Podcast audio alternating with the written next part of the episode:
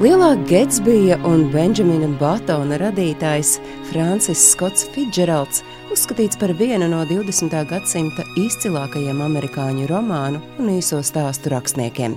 Tāpat nereti viņu sauc par zudušās paudzes autoru. Lai arī piedzimis Amerikā un tur arī studējis, daļu savas dzīves vadījis Francijā. Par Fitzgeralda studijām Princetonā klīst nostāsts, ka universitātē topošais rakstnieks iestājies mīlestības dēļ, mīlestības pret futbolu dēļ. Reiz viņš skatījās maču, kurā princestonieši spēlēja pret Jēlas universitāti. Ieraudzījis princestonieša Sema Vaita spēli, viņš izdarīja izvēli. Un skaidrs, iestājies Princetonā pirmais, ko izdarījis, pieteicies futbola komandā.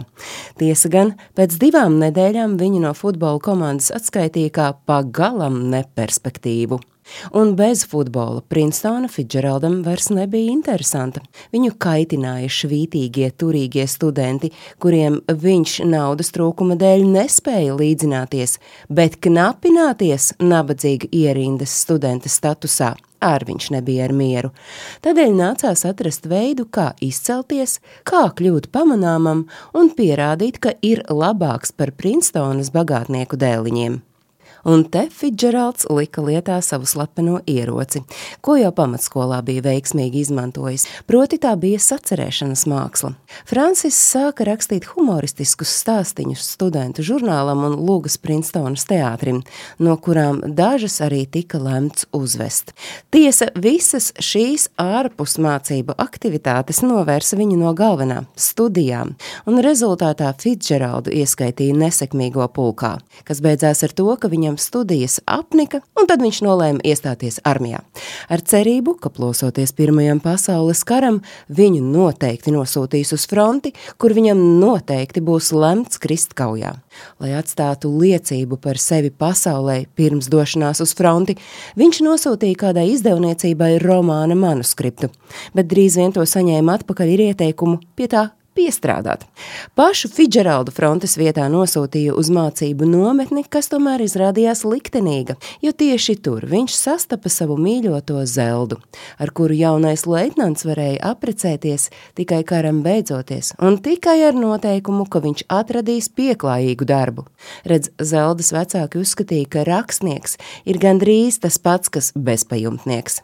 Īsu brīdi Fitzgeralds strādāja reklāmas aģentūrā Ņujorkā, tomēr vēlme rakstīt bija pāri visam, un viņš pametis darbu Ņujorkā devās uz mājām, lai piestrādātu pie romāna, pie tā paša, ko jau bija uzrakstījis pirms pieteicās armijā. Un tā bija laimīgā loze. Romāns šai pus paradīzes, ko izdeva 1920. gadā, Fitzgeraldu un viņas sievu padarīja par smalko aprindu hroniku galvenajiem varoņiem.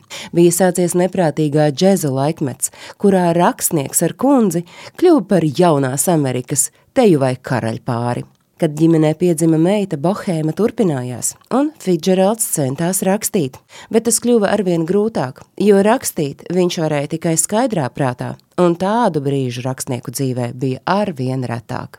Lai paglābtos no pazudības, Fitzgeraldi pārcēlās uz Franciju, kur rakstnieks sāka darbu pie Lielā Getsbija. Tas bija pagājušā gadsimta 30. gados, kad Francis saņēma rekordlielus honorārus. Tā piemēram, 1931. gadā par vienu stāstu vien viņš saņēma 4000 dolāru. Bija viņam veiksmīga sadarbība ar Holivudu, tomēr jau drīz vien sākās rakstnieka noriets. Turklāt, kad lecot ūdenī Francis salauza atslēgas kaulu, viņš ilgu laiku vispār nevarēja strādāt. Un tad pienāca 1940. gada 21. decembris, kad Fitzgeraldu piemeklēja sirdslēkme. Viņš atstāja šo pasauli, atstājot aiz sevis četrus pabeigtus romānus un vairākus īsos stāstus, tostarp Benžamina Batona neparasto dzīves stāstu, pēc kura motīviem arī ir uzņemta filma. Bet nāves brīdī Fitzgeralda kontā bijusi summa, ar kuru pietika tikai tik, lai samaksātu par ķermeņa pārvešanu uz dzimteni un kaprecim. Bet, kad pēc nāves publicēja Fitzgeralda autobiogrāfisku apcerējumu Krahs, tas atkal viņu pacēla jaunos slavas viļņos. Tagad viņu sauca par amerikāņu klasiķi un izcilu sava laika hronistu, kā arī viņam par godu izveidoja muzeju, stāstīja Agnese Drunka.